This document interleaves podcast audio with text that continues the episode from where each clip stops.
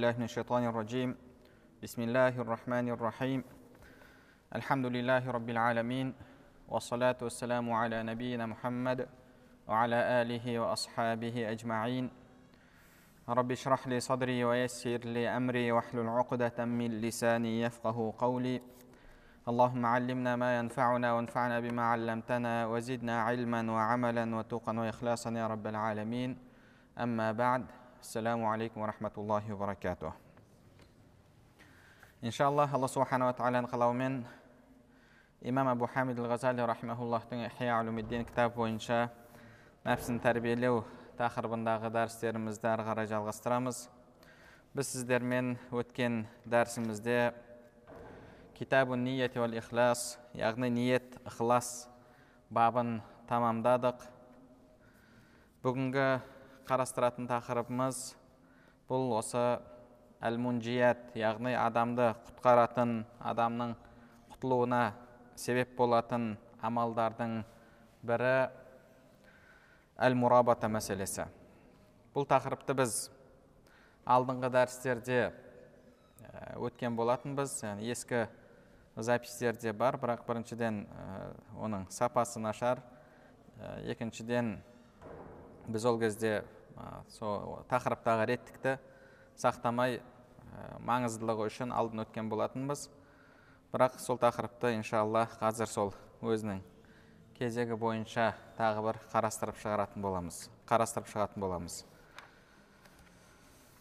алла субханала тағала құран кәрімде ونضع الموازين القسط ليوم القيامة أعوذ بالله من الشيطان الرجيم ونضع الموازين القسط ليوم القيامة فلا تظلم نفس شيئا وإن كان مثقال حبة من خردل أتينا بها وكفى بنا حاسبين біз қиямет күні әділдік таразысын қоямыз және ол күні ешкім зұлымдыққа ұшырамайды қандай да бір бір шаңның тозаңындай бір нәрсе істеген болса адам әтәйна биха біз соны келтіреміз уакафа бина хасибин және есеп қисапта біз жеткіліктіміз дейді الله سبحانه وتعالى تغبص خبر يتا ووضع الكتاب فترى المجرمين مشفقين مما فيه ويقولون يا ويلتنا ما لهذا الكتاب. لا يغادر صغيرة ولا كبيرة إلا أحصاها ووجدوا ما عملوا حاضرا ولا يظلم ربك أحدا. قيامت كنا كتاب قويلاد كنا خرلر ونن ishindagini ko'rib qo'rqib бізге өкініш болсын мына кітап еш нәрсені қалдырмапты ғой. Кішісін де үлкенін де барлығын түгелдепті ғой. Яғни біз істеген амалдардың барлығы ішінде жазулы тұр ғой деп олар сондай бір қорқынышта болады. Және сондай ақ істеген барлық амалдарын сол кітаптың ішінде көреді кітаптың ішінде жазылғанын көріп оларда сондай бір қорқыныш болады. Раббың ешкімге зұлымдық жасамайды дейді. Алла субханала тағала тағы басқа бір аятта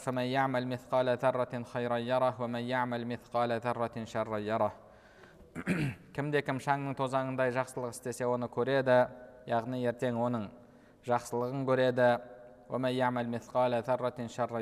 Және кім шаңның тозаңындай жамандық істесе ертең оның азабын көреді дейді. Және осыған ұқсаған тағы да басқа да аяттар бар.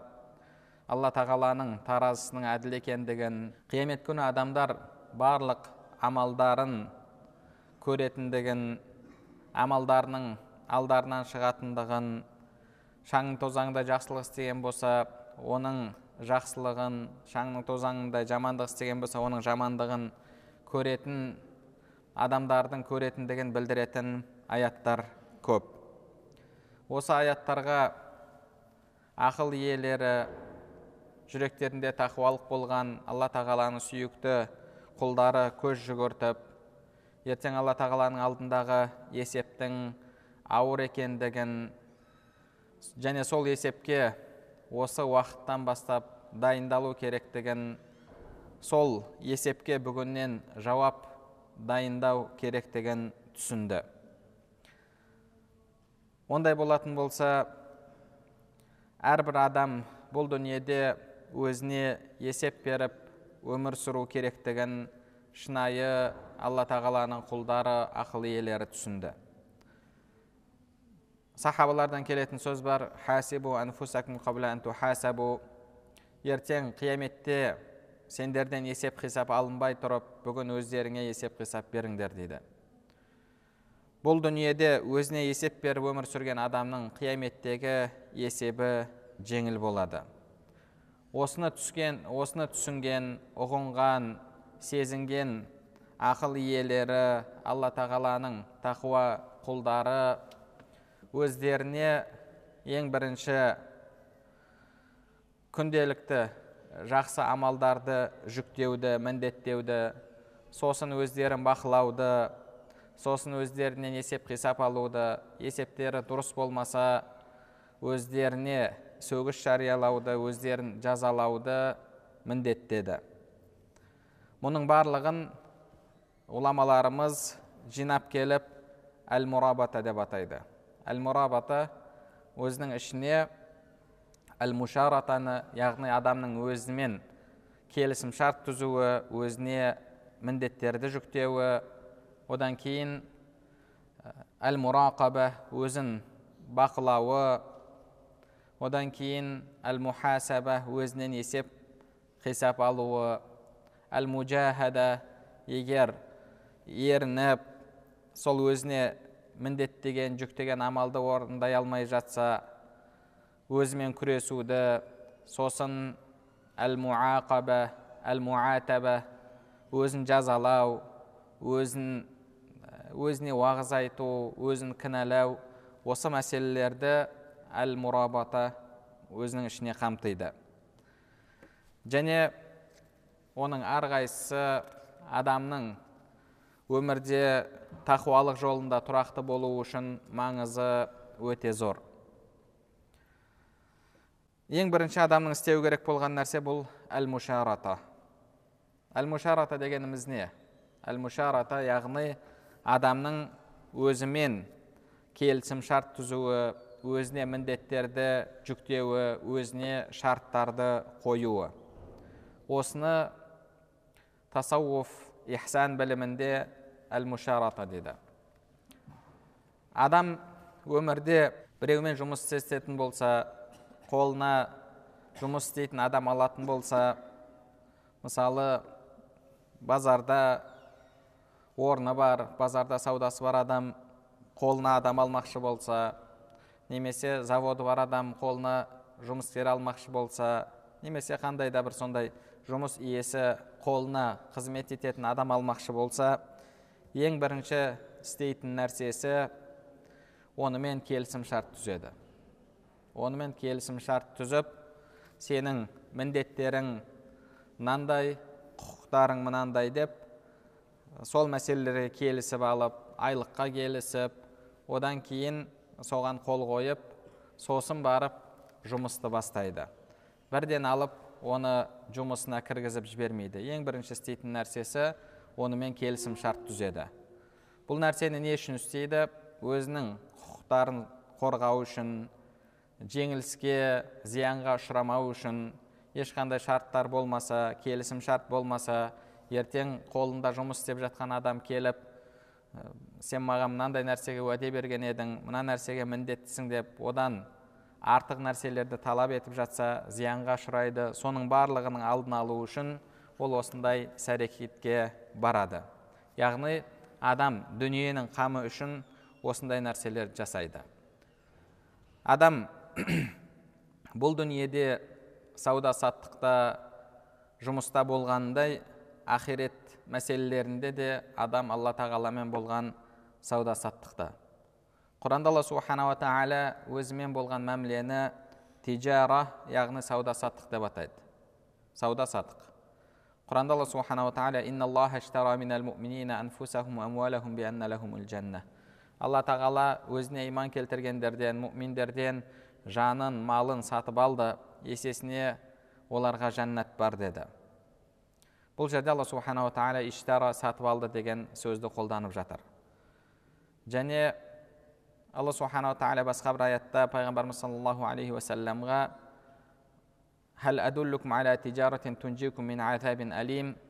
сендерге сендерді ауыр азаптан құтқаратын сауданы көрсетейін бе деп айт дейді. Яғни алла субханала тағаламен болған біздің мәмілеміз бұл ақирет саудасы болып табылады.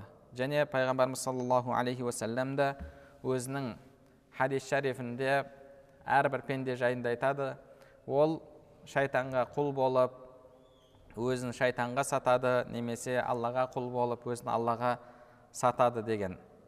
Ондай болатын болса біз бұл дүниеде ақирет саудасындамыз.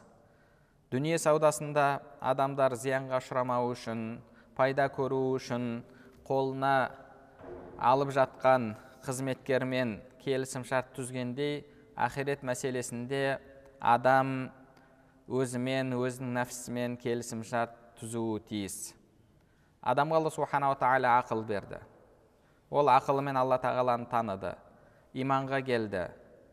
Иманға келгеннен кейін енді ол өзінің нәпсісін алла жолында пайдалануы тиіс. Яғни оның ақылы бар әлгі жұмыстың иесі секілді және оның нәпсісі бар. Нәпсісі соның қолында жұмыс істейтін қызметкер секілді. Адам ақыл иесі өзінің нәпсісімен келісім шарт түзуі керек.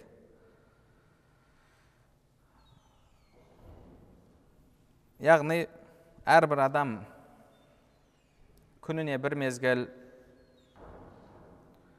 таңғы уақытта ұйқысынан оянғаннан кейін өзіне көңіл бөліп өзінің нәпсісіне көңіл бөліп өзінің нәпсісімен келісім шарт түзіп оған міндеттерді жүктеп бүгін сен мына істерді атқаруың керек. Мынандай жаман амалдардан мынандай харам істерден ұзақ болуың керек деп өзінің нәпсісімен келісім шарт түзуі тиіс. Егер ақирет ісінде зиянға ұшырағысы келмесе ақирет ісінде пайдаға емес керісінше зиянға кіріп кеткісі келмесе ол адам осылайша өзінің нәпсісімен әрдайым мәміледе болуы керек. Сол кезде ол адам бұл дүниеден иншалла жеңіспен пайдамен шығады. Адам дүниесінде дүние саудасында пайда үшін сондай бір іс әрекеттерге барады. Ақирет мәселесінде одан қайда көбірек іс әрекетке баруы керек көбірек әрекет етуі керек. Неге? Өйткені бұл дүниенің саудасы бұл дүниенің пайда зияны барлығы уақытша дүниенің өзі уақытша. Ал ақиреттің пайдасы ақиреттің зияны ертең орны толмас зиян болып табылады. Ақиреттің пайдасы мәңгілік пайда болып табылады. Сол үшін де адам ақиретте жеңіске жеткен ақирет саудасында пайда тапқан пенделерден болғысы келсе онда бұл дүниеде қолына алған қызметкерімен келісім шарт түзгендей нәпсісімен де келісім шарт түзуі керек. Бірден жұмысқа бірден дүниеге кіріп кетпестен таң намазын оқып болып тәспі зікірін айтып болғаннан кейін бір сәт өзіне көңіл бөліп уа нәпсім алла тағала саған тағы бір күн тағы бір мүмкіндік берді. Осы күнге жете алмаған қанша адамдар бар. Осы саған алла тағала берген күнді аңсап жатқан қанша күнәһар пенделер бар. алла тағалаға олар амалу салиха уа раббым мені қайтаршы бір сәтке бір мезетке қайтаршы мен бір ізгі амалдарды жасайын деп осы саған берілген күннің бір бөлігін бір сағатын армандап аңсап жатқан қанша о дүниелік бақилық болғандар бар. Алла субханала тағала саған сондай мүмкіндікті берді. Егер сен көзіңді ашпастан о дүниелік болып кетсең осы күнді осы сағаттарды аңсар едің армандайтын көксейтін едің. Сен о дүниеге барып зиян шегіп сонымен алла субханала тағала сені бұл дүниеге бір жақсы амалдарды жасауға қайтарды деп есепте. Әрбір күніңді сондай бағалы күн деп біл сол үшін де осы күніңді иншалла жаз, жақсы амалдармен ізгі амалдармен толтыруға тырыс деп адам өзінің нәпсісімен сөйлесіп өзінің нәпсісіне міндеттерді жүктеуі керек. Кейбір риуаяттарда келеді.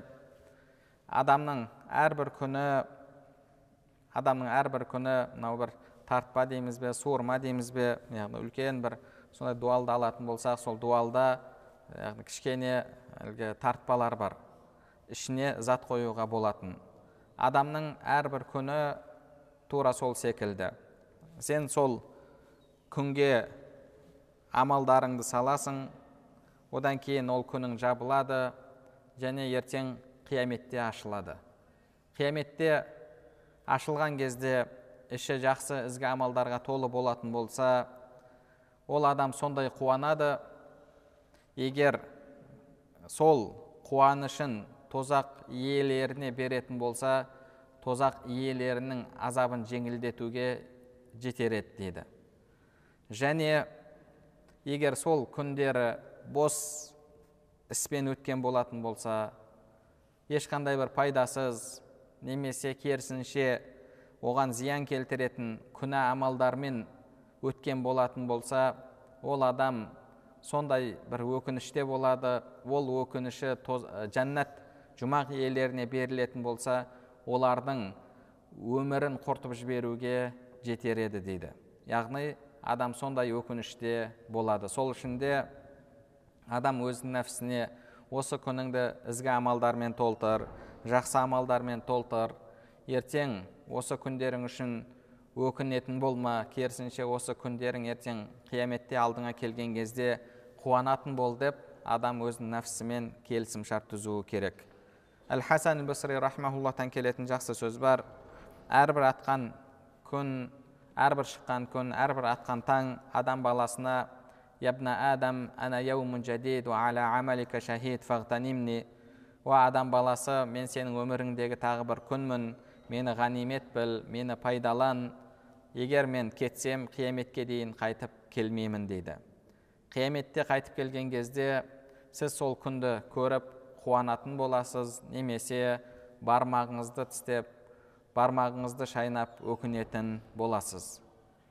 Әлбетте оның барлығы қазір сіздің қолыңызда. Ертең күніңіз сізді қуантатын күн болуын қаласаңыз онда сол күніңізді ізгі амалдармен толтыруыңыз керек. Сол күніңіз иншалла сіздің пайдаңызға ертең шешілетін күн болуы тиіс. Ондай болатын болса адам өзіне таңертең таңғы намаздан кейін сол күні жасайтын амалдарды жүктеу керек. Амалдарды жүктеп амалдарды бағанағы міндеттеп бүгін мына амалдарды істе мына амалдарды істе деп өзіне ізгі амалдарды міндет етуі керек міндеттеу керек. Және одан кейін жалпы амалдарды міндеттегеннен кейін әрбір ағзасымен келісім шарт түзіп әрбір ағзасына міндеттерді жүктеуі керек. Адамның негізгі жеті ағзасы бар. Жеті ағзасы ол оның көзі құлағы тілі қарны әуреті қолы аяғы. Және имамдарымыз кітаптарында осы жетеуі адамның жүрегінің қақпалары дейді. Яғни адамның жүрегіне кіретін қақпалар дейді.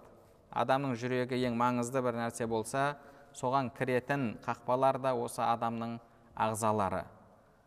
Адамның жеті ағзасы бар және имам абу хамид ғазали айтады адам ертең қияметте сол ағзаларымен жасаған күнәларына байланысты жеті тозақта тозақтың жетеуінің бірінде азапталады деді.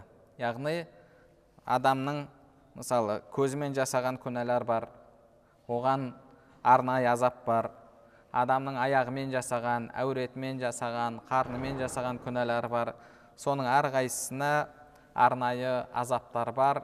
Және тозақтың есігі де жалпы тозақтың өзі де жетеу.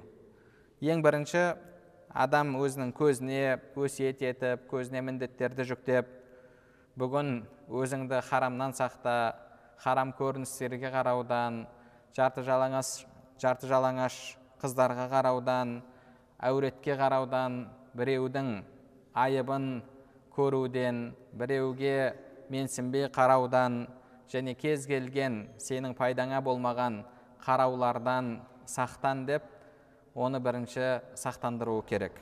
Яғни адам өзінің көзін зинадан адамдардың айыбын іздеуден адамдарға менсінбей қараудан және кез келген артық болған оның пайдасына болмаған қараулардан сақтануы керек. Және осы нәрсені өзіне міндеттеуі керек.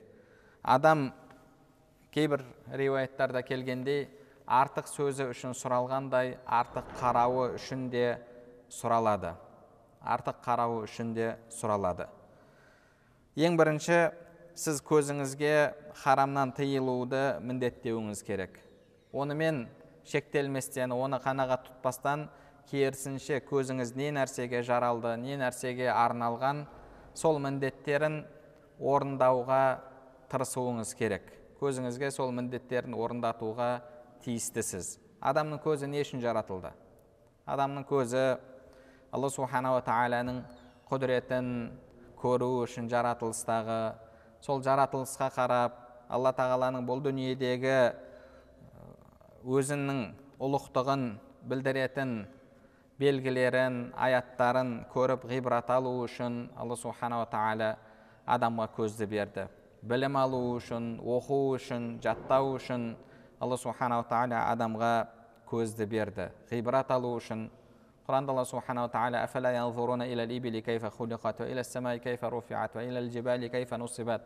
олар түйелердің қалай жаратылғанын көрмейді ме?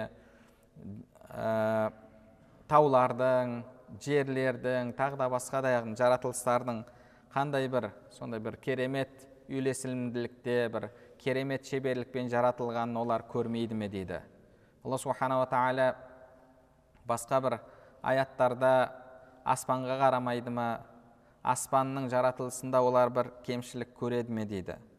Яғни адам жалпы өзінің қоршаған ортасын көріп ғибрат алуы тиіс. Көздің негізгі міндеті осы болып табылады. Алла субханала тағаланың кітабын ашып көзімен алла тағаланың кәләмдарын оқуы керек пайғамбарымыз саллаллаху алейхи уассаламның сүннеттерін діни кітаптарды оқуы керек сол арқылы өзіне ақиретке пайда сауап жинауға тиіс.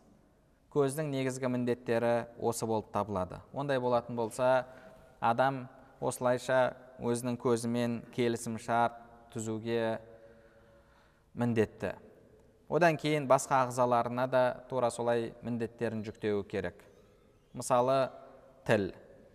Адам тілімен ғайбат айтудан өсек айтудан біреулерді жамандаудан өзін мақтаудан және өзіне ұнамай қалған адамдарды қарғаудан біреулермен орынсыз айқайласып ұрысудан тағы да басқа да сол тіл арқылы келетін зияндардан сақтану керек. Біз ол зияндарды афатуллисан яғни тілдің апаттары атты тақырыпта түсіндіріп айтқан болатынбыз. Сол тіл арқылы келетін кез келген зияндардан адам сақтану керек тілін сол күнәлардан сақтауға міндетті. Және сонымен қатар күнәлардан тыйылумен қатар тілдің күнәларымен күнәларынан тыйылумен қатар тілдің құлшылықтарын тілдің міндеттерін орындауы тиіс. Алла субханала тағала адамға тілді не үшін берді? Адамға тілді өзін зікір ету үшін өзін ұлықтау үшін алла тағаланың кәләмін оқу үшін пайғамбарымыз саллаллаху алейхи уассаламның хадистерін оқу үшін адамдарға жақсы сөздер айту үшін жақсылыққа бұйырып жамандық, жамандықтан адамдарды тыю үшін тағы да басқа да сондай тіл арқылы атқарылатын ізгі амалдарды атқару үшін берді. Яғни адамның тілі тек қана оның пайдасына шешілетін оған пайда келтіретін сөздермен әуре болуы керек. Одан басқа ертең керісінше зиян келтіретін түрлі күнәлардан сақтануы тиіс. Адамның қарны бар. Адамның қарны бар адам қарны арқылы да неше түрлі күнәларды істейді. Сол қарны деп неше түрлі күнәларға барады. Сол үшін де адам қарнымен де келісім шарт түзіп сенің ішіңе ешқандай бір күмәнді нәрсе түспесін тек қана халал нәрсе түссін күмәнді болған нәрселерден харам болған нәрселерден сақ бол деп адам осылайша өзінің ә, нәпсісімен өзінің қарнымен де келісім шарт түзіп оған да міндеттерді жүктеуі керек. Пайғамбарымыз саллаллаху алейхи уассалам өзінің хадис шарифінде кім маған бағанағы аузына және әуретіне кепілдік беретін болса мен оған жұмақтық болуына кепілдік беремін дейді. Ғұламаларымыз осы хадистің шархында яғни әуреті ол зинадан сақ болу мәселесі дейді. Әуретіне кепілдік беруі зинаға жақындамауы. Ал ауыз мәселесі бұл бір жағынан жаман сөйлемеу екінші жағынан ауыз жалпы адамның қарнына апаратын жол дейді. Яғни аузына оның харам нәрсе кірмейтін болса тек қана адалдан ас жейтін болса адалдан рызық жейтін болса пайғамбарымыз саллаллаху алейхи уассалам мен ол адамға жұмақтық болуына кепілдік беремін дейді. Ол адамның жұмақтық болуына кепілдік беремін дейді. Ондай болатын болса бұл біздің қарнымыз да өте маңызды. Сіздің жеген тағамыңыз дұғаңыздың қабыл болу болмауын шешеді. Пайғамбарымыз саллаллаху алейхи уассалам бір кісі жайында айтты. Бірінші басында алла тағала өзінің елшілеріне бұйырған нәрселерді өзінің басқа құлдарына да міндеттеді деді. Алла субханала тағала құран кәрімде я уа менің елшілерім адал болған нәрселерді жеңдер деді. Және мұсылмандарға да уа иман келтіргендер мен берген рызықтың адалын ғана жеңдер деді. Одан кейін пайғамбарымыз саллаллаху алейхи вассалам бір кісінің мысалын келтірді. Әшәth ағбар шашы ұйпа тұйпа үсті шаң сафар сафарда көп жүреді ғұламаларымыз шархында яғни қасиетті жерлерге көп сапар шегеді деді қасиетті жерлерге меккеге барады мединеге барады қудысқа барады сондай намаз оқыса құлшылық жасаса сауабы еселенетін жерлерге барады сол үшін көптеп сапарда жүреді қолын көтеріп уа раббым раббым деп дұға жасайды бірақ мәлбәсуху харам мәшрабуху харам және матамуху харам харам оның ішкені харам жегені харам кигені харам хараммен азықтанған оның дұғасы қайдан қабыл болсын деді. Мың жерден қажылыққа бар мың жерден умра жаса мың жерден құран оқы зікір айт. Егер жеп жатқан асың адалдан болмаса харамнан болатын болса онда сенің дұғаларың құлшылықтарың қабыл болмайды. Ондай болатын болса адамның қарны да адамның өмірінде үлкен рөлді атқарады. Қарынға қатты көңіл бөлуі керек. Және одан кейін осылайша басқа да ағзаларына міндеттерін жүктеп және олар арқылы келетін күнәлардан сақтандыруы тиіс. Одан кейін адам яғни бұл дүниеде жұмысшы алып оған міндеттерін түсіндіріп құқықтарын түсіндіріп келісім шарт түзгеннен кейін ары қарай оны өзінің жұмысына кіргізген кезде жұмыс істеуге мүмкіндік берген кезде болды келісім шарт түздік. Енді осымен бәрі бітті демейді. Әрі қарай оның жұмысын бақылайды. Оның жұмысын бақылайды. Не жұмыс істеп жатыр? Жұмысын дұрыс атқарып жатыр ма? Бір жерден бір нәрсені жымқырып қалып жатқан жоқ па? Кешке үйіне кетіп бара жатқан кезде қалтасына бір нәрсені салып жұмыстан шығып бара жатқан жоқ па?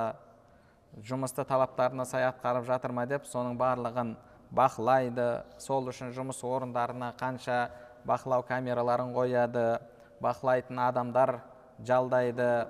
Яғни осылайша адам дүние саудасында зиянға ұшырамау үшін барлық әрекетті жасайды барлық ә, бағанағы керекті талаптарды орындайды. Бағана біз айтқандай біз бұл дүниеде ақирет саудасындамыз. Ақирет саудасында болатын болсақ онда ақирет мәселесінде де біз өзімізбен нәпсімізбен келісім шарт түзгеннен кейін оған міндеттерді жүктегеннен кейін екінші жасайтын қадамымыз екінші атқару керек болған нәрсеміз бұл нәпсімізді бақылау нәпсімізді бақылау. Бақылау өте маңызды. Неге? Өйткені адам таңертең ұйқысынан оянған кезде сондай бір тыныш халде болады.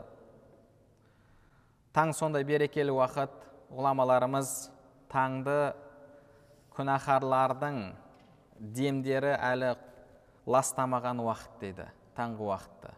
Күнәһарлардың бағанағы алланың дұшпандарының сол күнді ауаны ластамаған уақыты дейді. Бұл жердегі ластау деген яғни рухани ластау болып табылады. Сондай уақыт. Ол уақытта береке бар адам таңертең тұрып намазын оқиды зікірін айтады бір ерекше имани халде болады.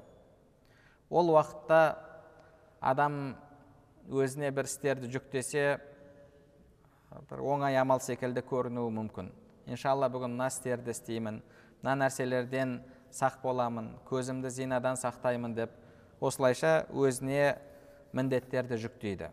Және таңғы уақытта сондай бір берекелі уақытта бұл нәрселерді жүктеу жалпы қиынға соқпайды. Ең қиыны сол міндеттерді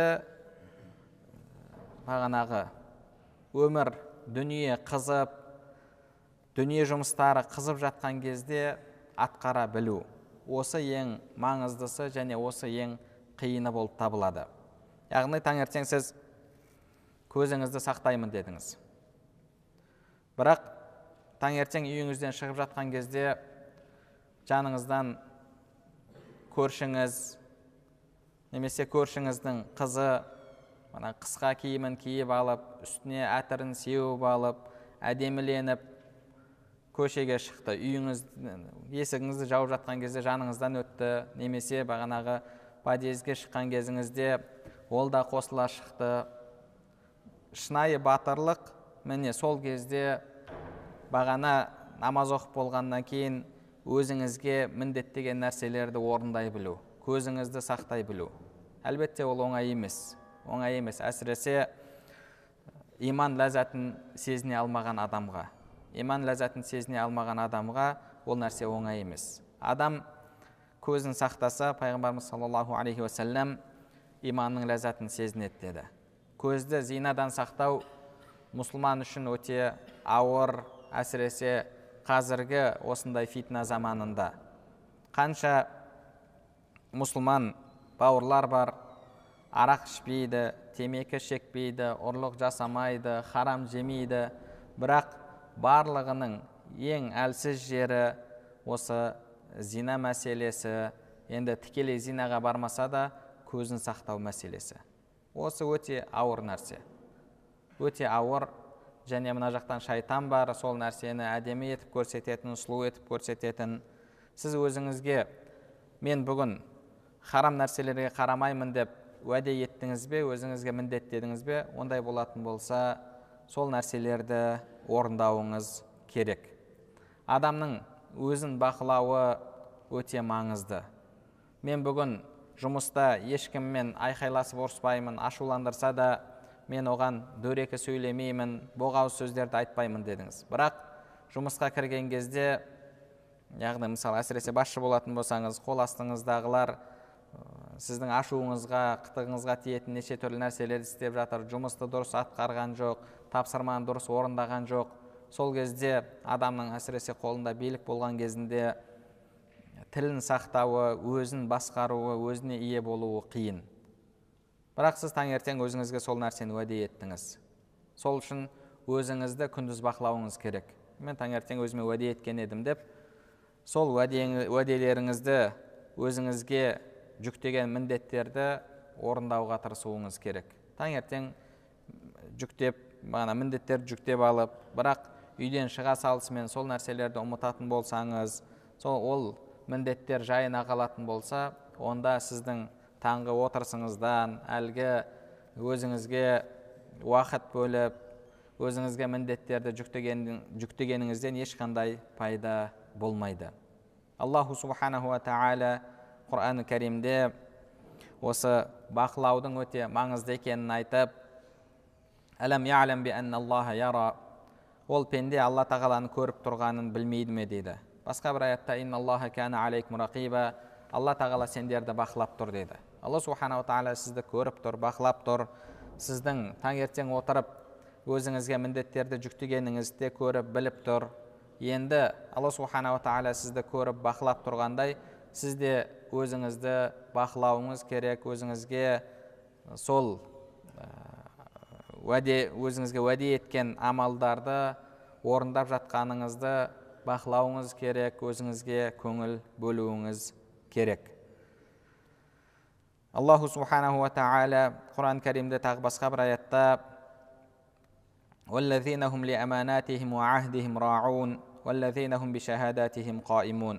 олар аманаттарына және берген серттеріне берік тұрады деді.